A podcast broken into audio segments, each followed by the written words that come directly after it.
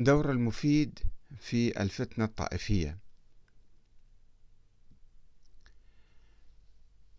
آه، ما أن كانت الفتنة الطائفية تخمد بعض السنين حتى تتفجر في سنين أخرى حيث يروي ابن كثير في حوادث سنة 361 أنه وقعت فتنة شديدة بين الروافض وأهل السنة وأحرق أهل السنة دور الروافض في الكرخ. وقالوا الشر كله منكم. وثار العيارون ببغداد يأخذون أموال الناس. ويضيف ابن كثير قام الوزير أبو الفضل الشيرازي سنة 362 وكان شديد التعصب للسنة بمهاجمة أهل الكرخ الشيعة وأمر بإلقاء النار في دورهم فاحترقت طائفة كثيرة من الدور والأموال. من ذلك ثلاثمائة دكان وثلاثون مسجدا وسبعة عشر ألف إنسان. هذا في آه، آه، صفحة 291 و 389 وأما ابن الجوزي فيصف تلك الواقعة يعني حريق هائل جدا هذا. فيصف تلك الواقعة بقوله بعث أبو الفضل الشيرازي وكان قد أقامه معز الدولة مقام الوزير في طرح النار من النخاسين إلى السماكين. هذه أسواق معينة. فاحترقت أموال عظيمة وجماعة من الرجال والنساء والصبيان في الدور والحمامات.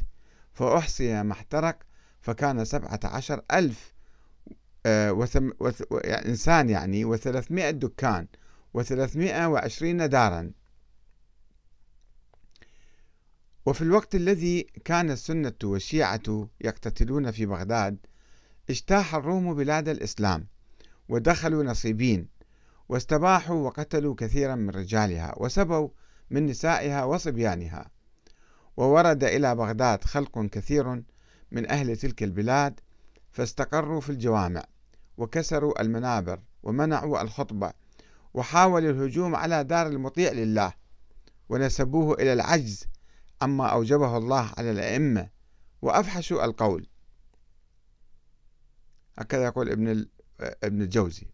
ولكن تلك الكارثة لم تمنع المتعصبين من الطائفتين من مواصلة اقتتالهم في الأعوام التالية حيث قام بعض أهل السنة أي الحنابلة سنة 363 بابتداع يوم الجمل ردا على عيد الغدير كما يقول ابن كثير.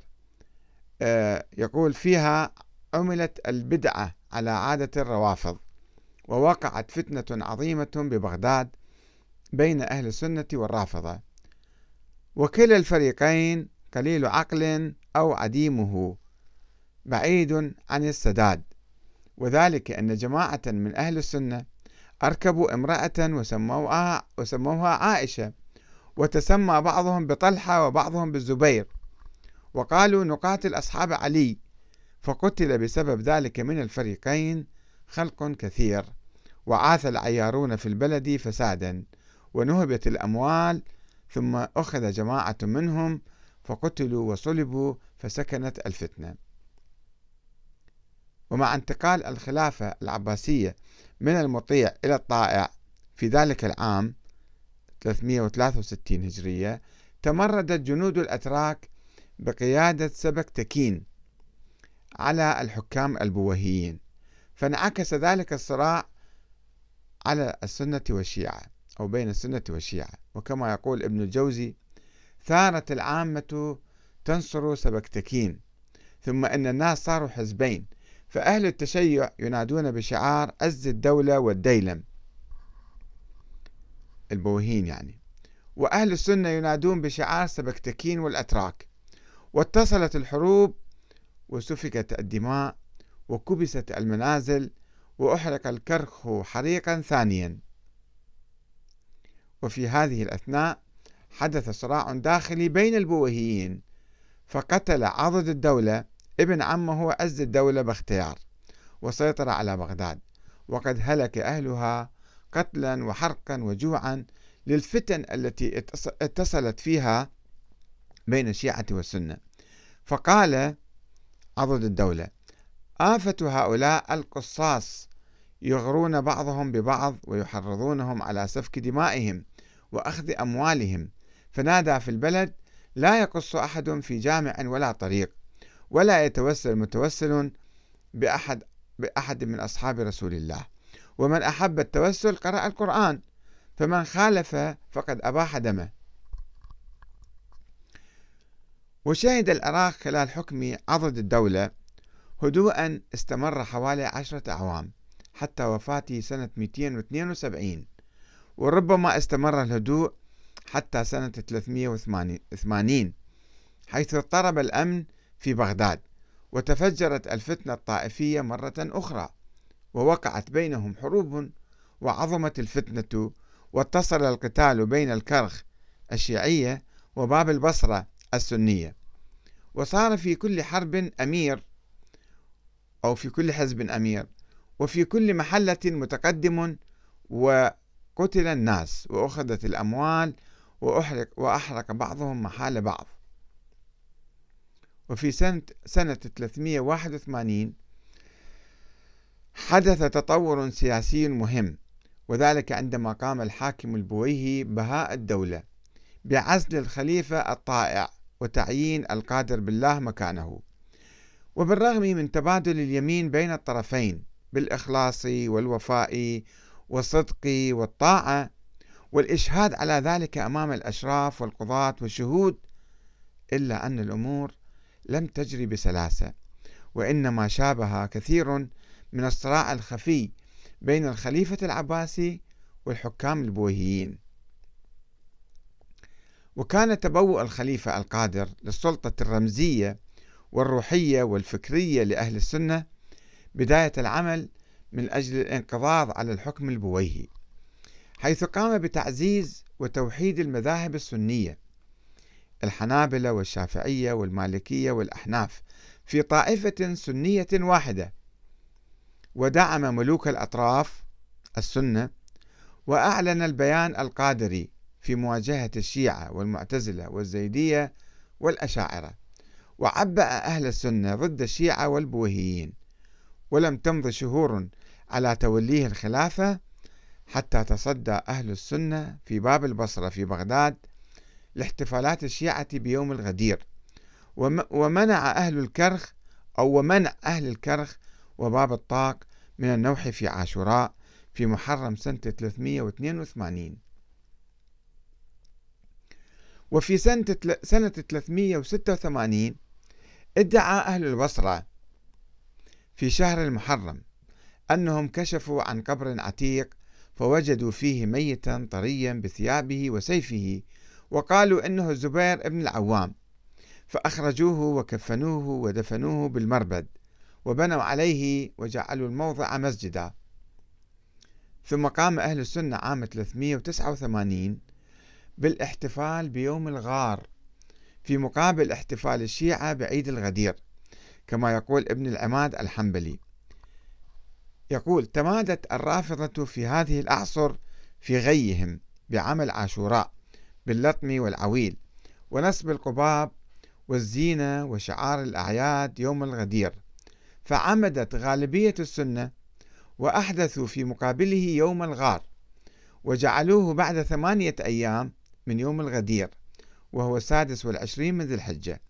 وزعموا أن النبي وأبا بكر اختفيا حينئذ في الغار وجعلوا بإزاء عاشوراء يوم مصرع مصعب بن الزبير. وزاروا قبره يومئذ بمسكن وبكوا عليه ونظروه ونظروه بالحسين لكونه صبر وقاتل حتى قتل ولأن أباه ابن عم النبي.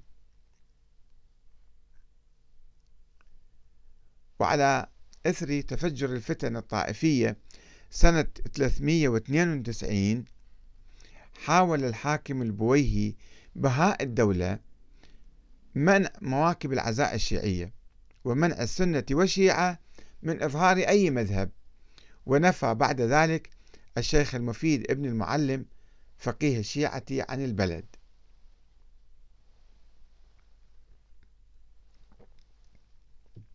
وذكر ابن الجوزي في المنتظم وقوع فتنة طائفية سنة 398 وذلك عندما أحضرت الشيعة مصحفا ذكروا أنه مصحف عبد الله بن مسعود وهو يختلف عن المصحف العثماني بعض الشيء.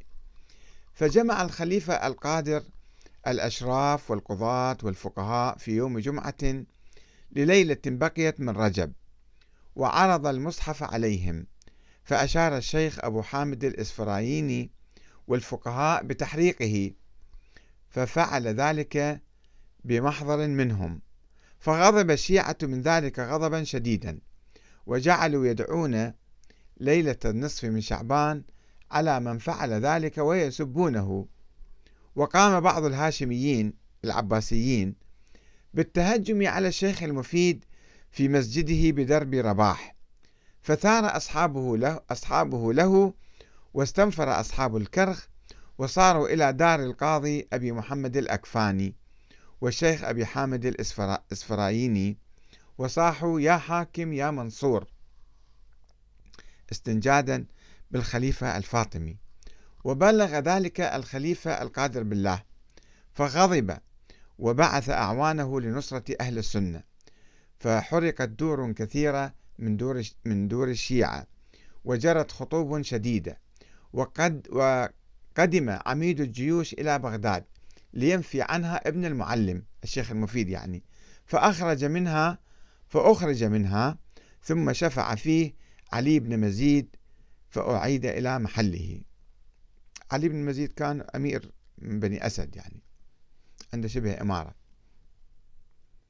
كما قام بهاء الدولة بنفي الشيخ المفيد مرة أخرى مع جماعة من الوعاظ وأهل السنة في أعقاب تفجر الفتنة الطائفية في بغداد عام 409 وهنا نتساءل عن دور الشيخ المفيد في هذه الفتنة الطائفية وصب الزيت عليها. إذا فقد ولد الشيخ المفيد في خضم الفتنة الطائفية التي عصفت بالشيعة الاثنى عشرية في العراق في القرن الرابع الهجري. وبدلا من أن يقوم بدراسة تلك الفتنة المؤسفة التي كانت تستنزف طاقات المسلمين ويحلل جذورها ويقدم العلاج لتوحيد المسلمين فإنه انغمس في الفتنة وراح يصب النار عليها ويعززها بكتاباته وخطاباته. وكان كل همه هو نقض نظرية الشورى ودعم نظرية الإمامة الإلهية لأهل البيت الذين لم يكن لهم وجود في القرن الرابع الهجري ولا إمكانية لتطبيق تلك النظرية المثالية الخيالية الوهمية العقيمة. وكذلك انتقاد الصحابة والخلفاء الراشدين الثلاثة ولعنهم وتكفيرهم وتفسيقهم والتشكيك في صدق إيمانهم وتشويه صورتهم وإلصاق التهم الكاذبة بهم والتباهي بذلك وقد تحدثنا عن ذلك في الفصل الماضي. فقد اتهم المفيد الصحابي الجليل أبا بكر الصديق رضي الله عنه بأنه كان كافرا ولم يكن مؤمنا وأن أبا بكر وعمر كانا منافقين وأطلق عليهما وصف الجبت والطاغوت وألف كتابا في الرد على أهل السنة. الذين بدأوا يحتفلون بيوم الغار الذي أوى إليه رسول الله صلى الله عليه وآله مع صاحبه أبي بكر أثناء الهجرة من مكة إلى المدينة وحاول المفيد أن ينفي عن أبي بكر شرف الصحبة ونفى نزول السكينة عليه في الغار. كما جاء في الآية الكريمة إلا تنصروه فقد نصره الله إذ أخرجه الذين كفروا ثاني اثنين إذ هما في الغار إذ يقول لصاحبه لا تحزن إن الله معنا. فأنزل الله سكينته عليه وأيده بجنود لم تروها. وجعل كلمة الذين كفروا السفلى وكلمة الله هي العليا والله عزيز حكيم. وقد أول المفيد جملة فأنزل سكينته عليه بأنها نزلت على النبي فقط ولم تنزل على أبي بكر مع أن نزول السكينة على النبي تستتبع نزول السكينة على صاحبه وذلك بالرغم من وجود قولين في عودة الضمير عليه على النبي وعلى أبي بكر حسب ما ينقل أو ينقل عن ابن عباس بأن الله أنزل سكينته على أبي بكر فإن النبي صلى الله عليه وآله كانت عليه السكينة من قبل. واتهم المفيد الشيخين أبا بكر وعمر بأنهما تآمرا على النبي وخططا لعزل أهل البيت عن الخلافة ودعا المفيد إلى البراءة من الشيوخ الثلاثة الذين ظلموا الإمام علي واغتصبوا حقه في الخلافة ولعنهم ولعن أتباعهم وأشياعهم. وشكك بنزاهة السيدة عائشة أم المؤمنين بتحويل آية الإفك النازلة بحقها إلى الجارية ماريا القبطية التي ادعى المفيد أن عائشة اتهمتها بالزنا. وغني عن القول أن الشيخ المفيد اتبع في رواية التاريخ وأحاديث الإمامة على إشاعات وأخبار آحاد وأساطير لم يتحقق منها ولم يتوقف ليدرس سندها أو يقارن بينها وبين الأخبار الصحيحة المتواترة. وقد بينا ذلك في الفصول الماضية. ولكنه نجح في نقل ذلك التراث الأسطوري المشحون بالعنف والكراهية إلى الأجيال التالية المقلدة من الشيعة الذين صدقوا روايته واعتبروها مؤكدة وبالتالي استطاع أن ينقل شعلة الفتنة الطائفية إلى اليوم مع الأسف الشديد.